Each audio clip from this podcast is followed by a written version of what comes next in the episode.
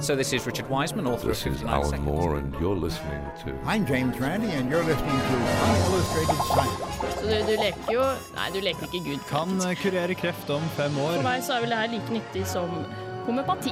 Dødsannonsen. Altså, jeg kan ikke lage en hårete planet. Nei, nei. Uillustrert vitenskap.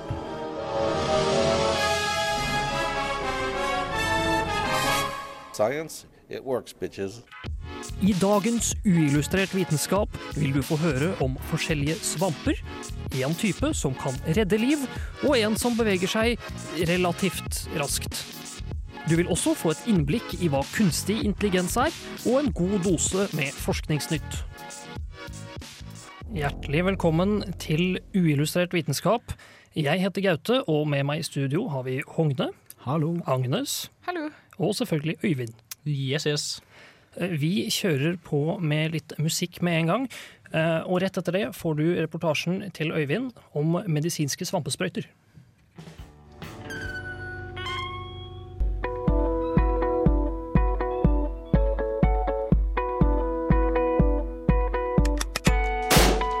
Har du noen gang pådratt deg et realt skuddsår, men likevel følt deg kjempeheldig fordi du hadde en svamp å stoppe blødningen med? Da kan du føle deg ordentlig dum, for løsningen er ikke en svamp, men mange svamper. Det er i hvert fall ideen bak Xstat Syringe.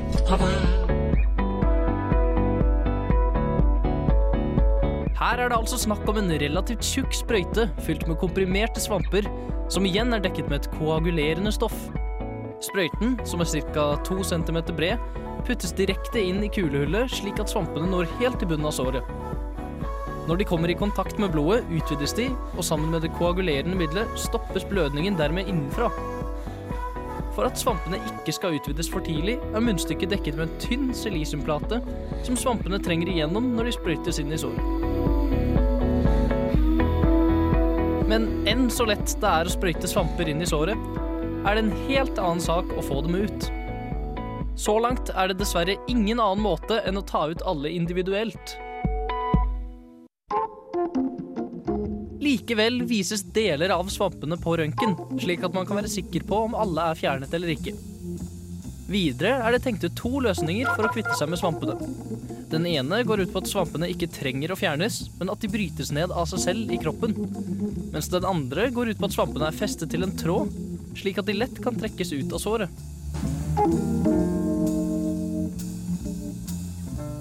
Men aller best er det nok at for en skarve 500-lapp kan også du leke doktor og tette igjen alskens type sår, enn så dype de måtte være. Doktor! Doktor! Doktor! Ja, altså her så fikk vi jo høre litt om disse medisinske svampene. Eh, Og, og da er det en ting jeg lurte på om du kanskje kunne forklare litt nærmere. Eh, Du nevner at de er dekket med koagulerende stoffer. Ja, det er jo øh, ting som får blodet til å ko koagulere, altså at det størkner, som vi alle har vært borti før. Uh, og dette, det som er litt spesielt med det stoffet her, uh, som de bruker i denne sprøyta, er det at det er basert på noe som finnes i reker. Oh. Ja, fordi reker har jo et såkalt åpent sirkulasjonssystem, i motsetning til oss mennesker. Og det vil si at de har liksom ikke blodårer og sånt, de bare bader organene i blod, nærmest, og så trekker organet til seg oksygen på den måten, da, eller cellene, da. Istedenfor hos oss, hvor det er i årer, og øh, oksygenet bare går rett gjennom øh, åregangen. Eh, så derfor eh, har de gått til reker for å finne et koagulerende stoff, da, fordi når du har et sånt åpent blodåresystem, så er det veldig viktig at det hvis du får noe sår eller noe åpne kutt, eller noe sånt, så størkner jo blodet med en gang og lukker igjen. da. Ja, for hvis ikke så blir vel alt bare pumpet rett ut av kroppen. Ja, og da dør du jo ganske fort. Ja. Eh, Så, så det som skjer da, er altså det, Koagulerende stoffer er det samme som når vi da får skrubbsår, for eksempel, og du får en skorpe, så er det fordi at det er koagulerende Ja, stoffer koagulerer som størker, størkner blodet. Mm, så dette er jo kombinert med det at svampene utvider seg. utvider seg da. Hva slags type svamper er det det egentlig er snakk om nå? Eh, Svamper som i, det er ikke som i de som lever i havet. Nei? Ikke levende svamper, i hvert fall. Det er eh, Jeg husker ikke akkurat hva det består av, men det er et eller annet type fiber. Ok, ja. Så- Så, syntetisk Så er det noen syntetiske greier. Det er ikke the real deal. Som du kan kjøpe selv for 50 kroner? Var det det du sa? Eh, Ja, altså, du kan kjøpe sprøyten for rundt 500, er det vel. Å ja, 500 kroner. Ja, fortsatt ganske billig, da. Ja, det er jo ikke så mye, for å, som jeg sa, for å gå rundt og leke doktor. Ja. Nei, og så pratet du også om at den svampen bare vistes delvis på, i en røntgen eller et eller annet. Ja, fordi eh, For å finne de her eh, Være sikker på at du har fått ut alle svampene, eh, så må du jo Så gjør de sånn at de vises på røntgen. Og det gjør de ved at de har sydd inn en tråd som vises på røntgen. Mm. Det er et eller annet stoff, da. Så alle har en sånn fin liten blå X på seg som vises på røntgen. Ok. Det er jo ganske praktisk, eh, i hvert fall hvis du har lyst til å få de ut. For Du nevnte jo også at det eventuelt kunne bare være der og ble, ble brutt ned. Ja, det er det de planlegger å utvikle. Eh, en ny, en ny type svamp da, som eh, brytes ned, men denne gjør ikke det. Nei. Eh, Så det er, aller, det er kjekt å få den ut eh, fra såret. Nei, jeg har vel kanskje ikke så veldig lyst til å gå rundt med en sånn svamp eh, full av eh, ting som størkner blod inni kroppen din, sånn altfor lenge i hvert fall. Nei. Nei. Eh, men hvis de klarer å, å lage en som brytes ned, eh, vet du noe om, om hva, hva de forventer at den kan liksom brytes ned til? Er det stoffer som bare liksom blir skilt ut igjen, eller er det noe som man liksom kan ta Ja, opp? det, det blir vel det. Altså, det må vel være av noen organiske stoffer som ikke Som gjerne er litt lettløselige. Ja, det er vel en fordel. Ja. Det er vel et krav, vil jeg faktisk si. Ja. Jeg lurer litt på om vi skal gå videre. Du får en eh, låt her eh, som heter 'Slippe' av Bendik, før du får eh, et intervju om kunstig intelligens. Jeg heter Anders Kofod Petersen.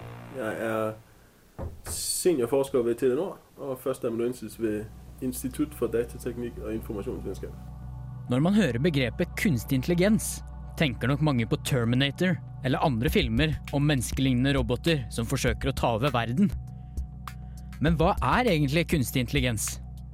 Det er egentlig et godt spørsmål, fordi øh, vi vet ikke hva intelligens er. Derfor er det uhyre vanskelig å vite hva kunstig intelligens er. Men øh, det som der nok er enighet om, det er at hvis en, et individ insisterer på å gentage den samme feil om og om igjen, så er den ikke intelligent. Øh, så det at et individ kan lære av sine fejltagelser, er det måske det nærmeste vi kommer en definisjon av intelligens. Så kunstig intelligens kan kanskje defineres som noe som lærer av sine feil. Men hva slags systemer er det vi har i dag, som vi da kan kalle intelligente? Altså, alle mennesker har jo handlet på Amazon eller CD-ON eller hva vet jeg, en hvilken som helst nettbutikk. Og øh, hvis man øh, handler på en netbutik, køber en bog på Amazon for eksempel, så står der ofte øh, Jeg synes også du skal købe denne bog. Øh, det heter et anbefalingssystem. Og det faller i kategorien av det vi betegner som kunstig intelligens. For det øh, den trivielle form av et anbefalingssystem, det er. For å foreslå det produkt som er mest populært. Men det er ikke sikkert at du syns det er et godt produkt. Så et anbefalingssystem forsøker å lære seg hvilke ting du som person kan lide, og så foreslå produkter der matcher din profil.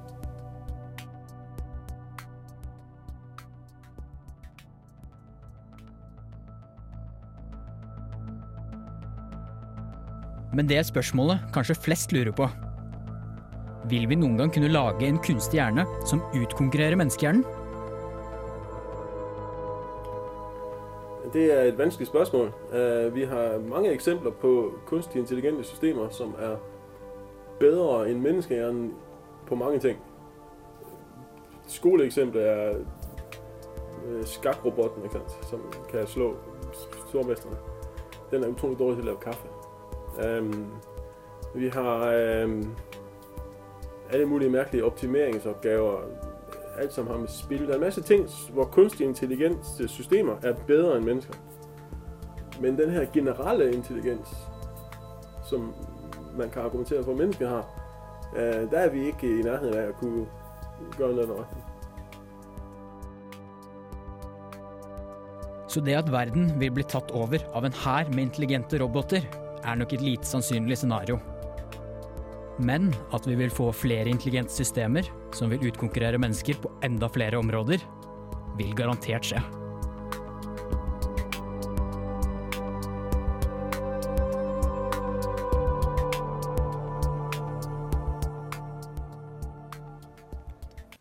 Da håper vi du har blitt litt klokere på hva kunstig intelligens er, eller artificial intelligence, AI som det ofte forkortes til. Mm. Uh, og du, du nevner jo helt på slutten her at, eh, at, at kunstig intelligens kan bli bedre enn mennesker på, på visse områder. Mm. Uh, er det noe vi burde være spesielt redd for at de skal bli flinkere enn oss til, eller er det noe de er flinkere enn oss til, som kan trekke fram som et eksempel? Ja, Han nevner jo f.eks. dette med sjakk. Ja. Der har allerede mennesker eh, blitt tatt igjen. Eh, nå har ikke Magnus Carlsen spilt mot en av disse datamaskinene, men han veit ganske sikkert at han kommer til å tape. Eh, fordi at de er veldig ja, eh, de er litt for flinke nå. Men eh, det er jo andre ting som ikke datamaskiner har tatt oss igjen. F.eks. Uh, et brettspill som heter Go. Der er det mye flere muligheter, for det er et 19 ganger 19 brett. Eh, og der har f.eks. ikke datamaskinene klart å slå mennesker ennå, fordi at det er for mange muligheter. Men det kommer til å skje. Akkurat det er jo kanskje ikke så farlig, hvis Nei. vi blir slått i. Nei. Eh, og de kan stort sett lære det meste av oss mennesker. Um, det han nevnte var det, kanskje noe av det vanskeligste. Det var faktisk språket vårt. Som jeg ble litt overrasket over, for at vi har jo f.eks. sånn Siri på iPhonen vår som klarer å forstå sånn noenlunde hva vi sier osv. Ja, altså, det, det kan jo kanskje diskuteres. Ja, det kan diskuteres. Jeg, jeg tok en test på den en dag, faktisk. Jeg skrek inn i mobilen, og så trodde den jeg sa løve. Ja. Hva sa du da? Jeg sa noe sånt, det var i hvert fall ikke løver. Nei. Men i hvert fall dette her med naturlig språk, og spesielt kanskje Det er jo veldig mye med naturlig språk som vi forstår, som vi ikke tenker over. da. F.eks. ironi. Hvordan i all verden skal en datamaskin klare å forstå ironi? Og det er veldig mye andre ting som eh, blir veldig veldig vanskelig for en datamaskin. Eh, og eh, det er også, han sa også at noen, noen mente at hvis de klarte å løse denne koden, da hadde de egentlig Da får de til alt, nesten. For dette er såpass vanskelig. Hva, hva er det vi kan få til i framtiden som vi ikke får, har fått til i dag? Eh, jo, eh, han nevnte f.eks. dette her med selvkjørende køer, da, eller selvkjørende biler. Det har vi ikke i dag, men eh, det mente han at det var egentlig Vi kan få det til i dag, men det er veldig mye juridiske problemer ved det og diverse, da. Eh, Ja, og For eh, det har du vel eh, Gjorde ikke det på 90-tallet en gang, e- sånn egentlig? Jo, eh, og det var veldig mange som forutså at i framtiden så kommer vi til å ha biler som eh, kjørte av seg selv. Men så har det på en måte ikke blitt noe av det, og så har vi laget veldig stor infrastruktur for at vi skal kunne kjøre bilen selv. Men eh, egentlig så hadde det vært like enkelt å lage et sånt jernballsystem eller et eller annet sånt med skinner som vi kom oss på og sånne ting. Og da et kunstig, sånn kunstig intelligent system som ordner med disse bilene og endrer på farten og alt mulig ut fra andre ting den ser rundt seg. da. Kanskje litt kjipt hvis du taster inn at du skal kjøre et, et annet sted enn det du egentlig har tenkt deg, eller noe sånt, og så bare følger den køen eh, på feil avkjøring. Ja. Nei, så Det må være intelligent nok da, til at Selvfølgelig, i sånne systemer så kan alltid ting gå feil. Fordi at, eh, ja, det, er fortsatt, det er vel deterministiske på en måte, da, men det kan, også, kan jo fortsatt skje feil. Mm. Jeg bare ser for meg at noen eh, bare setter, taster inn sånn 'følg køen', og så dupper de av litt, og så våkner det opp et Ja. Men det, da må du kunne bare skrive denne destinasjonen. Ja. Det hadde vært enda bedre. Men uh, også det som vi i framtiden, og i dag, har, uh, er veldig mange usynlige uh, systemer som ikke vi ser. Og, da er jo f.eks. dette her med anbefalingssystemet på Amazon. eh, hvor det er, eller det er noe vi kan kalle intelligent her, som lærer seg eh, hvilke bøker vi kjøper, og hvilke bøker han vil anbefale til oss i framtiden osv. Men vi tenker ikke på dette her som kunstig intelligens. da. De fleste tenker på kunstig intelligens som roboter som tar over verden. Ja, og det er jo stort sett ikke der vi er i dag, kan man Nei. vel trygt Og, si. nei, og disse anbefalingssystemene, det er ganske imponerende hvor langt disse har kommet. Eh, Det finnes en historie om fra Target. Det er da et sånt uh, stort firma som gjør, holder på med dette her. Uh, og det var da en sånn 16 år gammel jente som fikk masse reklame i posten om, om eh, sånne der, eh, graviditetsprodukter og mye andre ting. Eh, og da ble jo faren ganske oppgitt, for at hva, hvorfor i verden sender du dette til dattera mi? Hun skal ikke få sånne tanker i hodet om at hun skal bli gravid og sånne ting. Eh, Men noen måneder etterpå så måtte han faktisk beklage seg. For det som da hadde skjedd, var at hun var faktisk gravid. Men faren visste det ikke. Men det visste det selskapet. Ja, det er jo en litt eh, ja, Ja. litt eh, håpløs situasjon, kanskje. Ja, så det informasjonsinnhentingssystemet vårt nå, det er faktisk eh, såpass bra at det kan hende foreldre ikke veit like mye som de vet om deg selv. Og det vil gjelde jo alle oss. Når vi er inne på Facebook og sånne ting, så blir det henta inn veldig mye informasjon fra oss. Men likevel, eh, det jeg tenker på de, den her AI-en, da, fortsatt, selv om den kan gjøre veldig mye stilig og lære seg ting og sånt, så den gjør jo ikke annet enn det vi har satt den til å gjøre. Det er vel så fort den gjør andre ting enn det, at eh, det begynner å Ja, det, det er jo da det begynner å kanskje bli litt farlig, men det er det som er kunstig intelligens, var eh, den definisjonen han ga. Han, det er vel ikke en ordentlig definisjon, som du kan kalle sikkert kunstig intelligens med bredere eller smalere definisjon enn det, men det at den skal kunne lære. Og da kan du plutselig få det ut av kontroll, hvis plutselig du lager en robot som kan lære seg å bygge andre roboter, eller bygge seg en hær, eller ja, lærer seg et eller annet og plutselig blir mer intelligent enn det den var når du lagde den. Og plutselig finner ut at uh, jeg, hvorfor i all verden skal jeg holde på med dette? Det, det, det, er, det kommer ikke til å skje, disse scenarioene her, da. Men uh, det er jo det som er kunstig intelligens. Så et hypotetisk scenario som ikke kommer til å skje, bare for å ha sagt det, er at uh, vi lager noen kunstig intelligenssystemer som klarer plutselig å opprette sitt eget kunstig intelli- intelligens, nye systemer, eller roboter, øh, og plutselig får mye høyere intelligens enn det den hadde i utgangspunktet.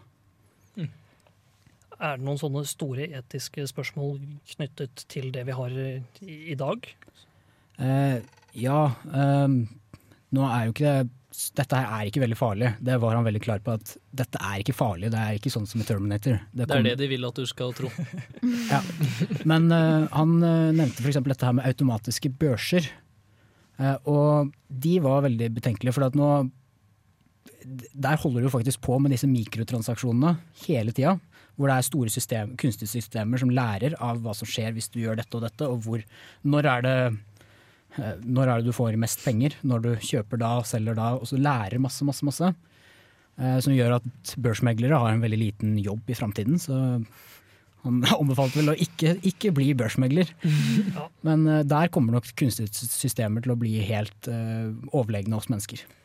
Da har vi altså et lite yrkestips her i Uillustrert vitenskap. Ikke bli børsmegler. Vi skal videre i sendinga, og etter denne låta her så får du Agnes sin reportasje om verdens raskeste svamp.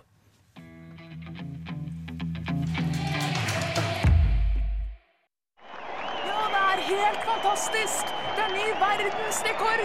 På tiden seks år har Tetia Wilhelma klart 100 meters distanse!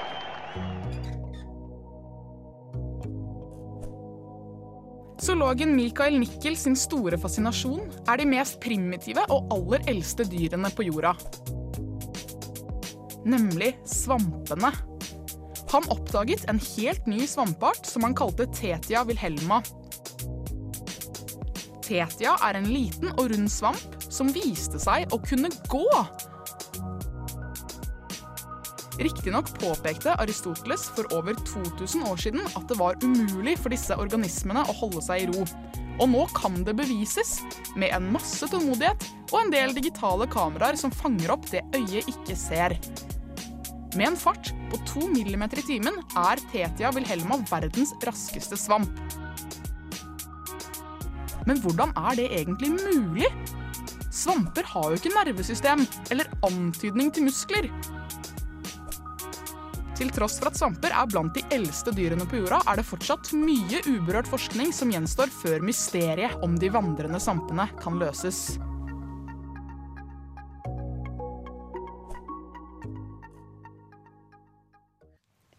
Da fikk du også høre litt om eh, verdens raskeste svamp. Det- Dette er ikke en syntetisk svamp.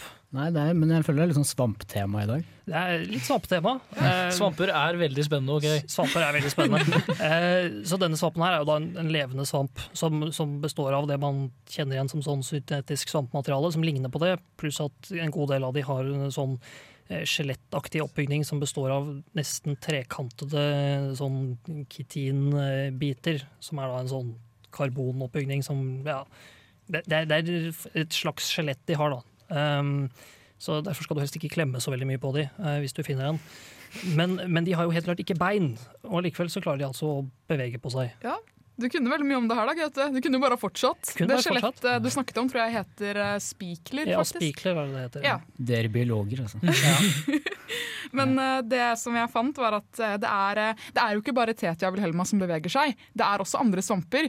Eh, og det som er, er at det er pulserende sammentrekninger da, og tentakler som bidrar til at de kan eh, bevege seg eh, rundt på havbunnen. Men det vi ikke vet, er hvorfor.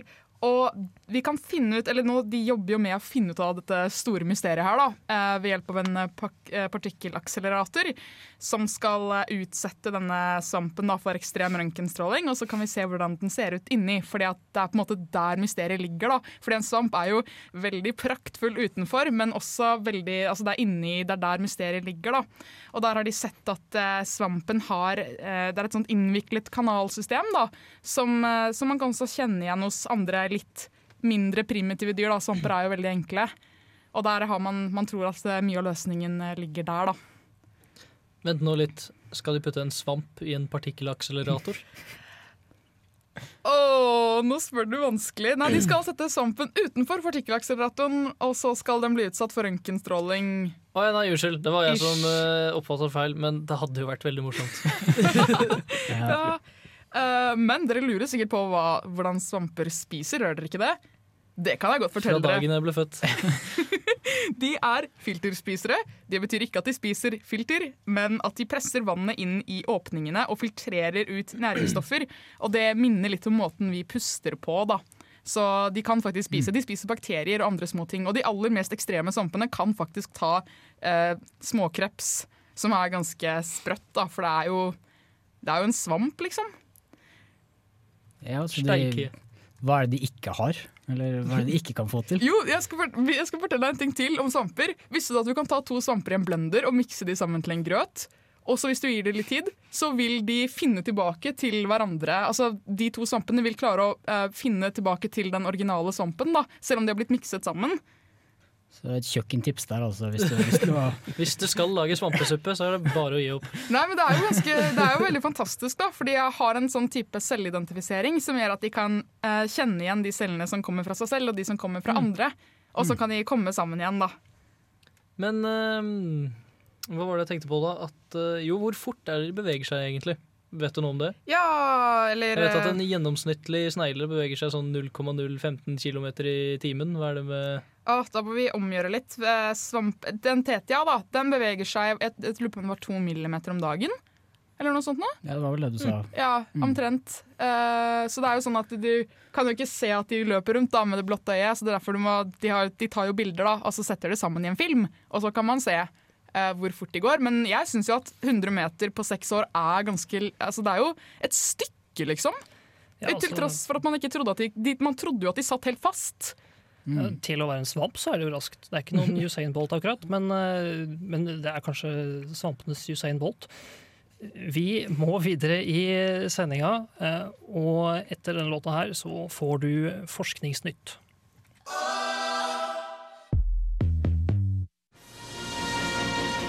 Uillustrert vitenskap presenterer Forskningsnytt.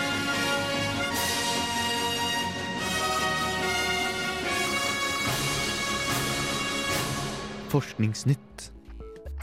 Visste du at du kan forbedre synet ditt med en app på iPaden?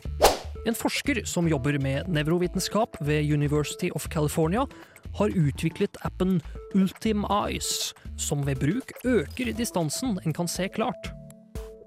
Appen baserer seg på nevroplastisitet, som enkelt forklart bygger på hjernens potensial til å utvikle seg i ulike retninger ved trening.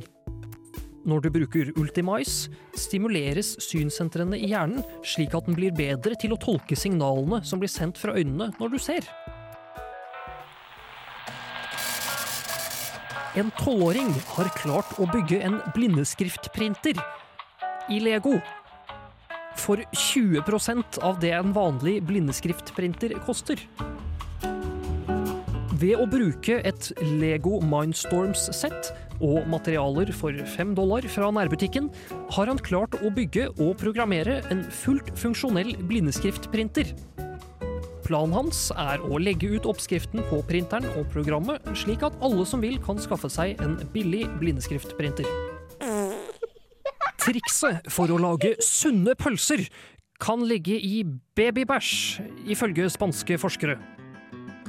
Bakterier som finnes i bæsj fra babyer, kan være med på å gjøre pølser til helsekost, ganske likt probiotiske yoghurter.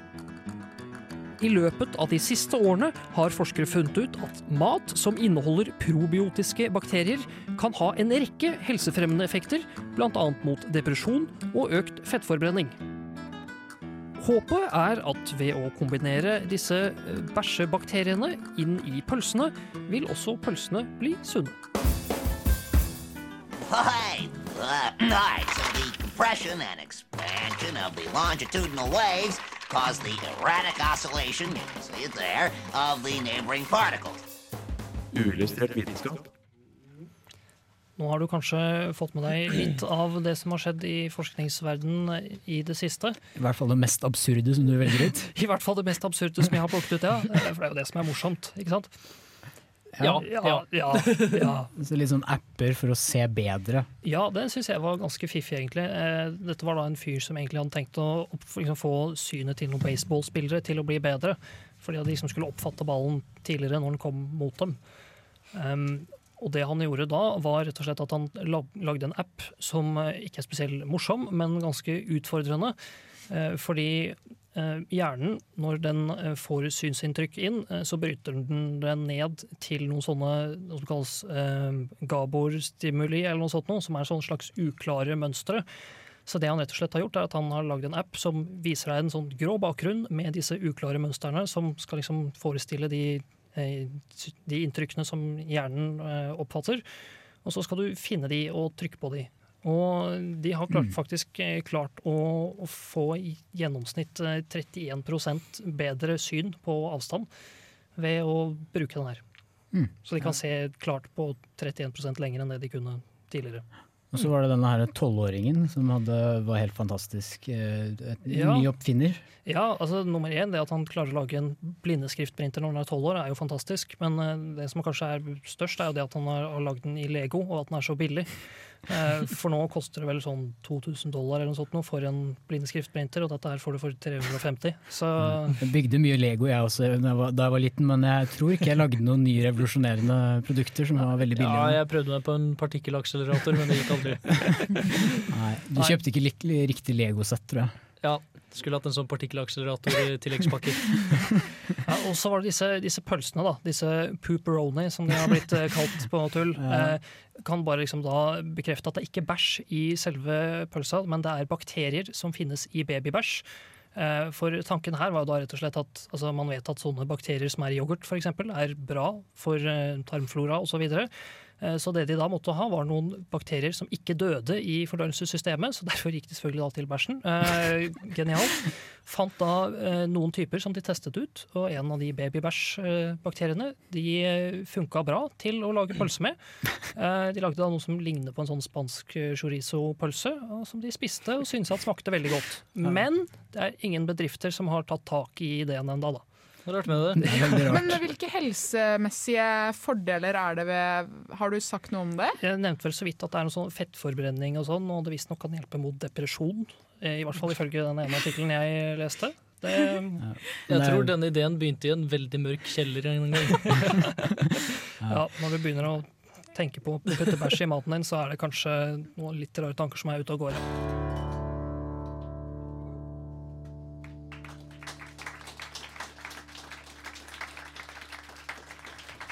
Vi har nådd slutten av programmet.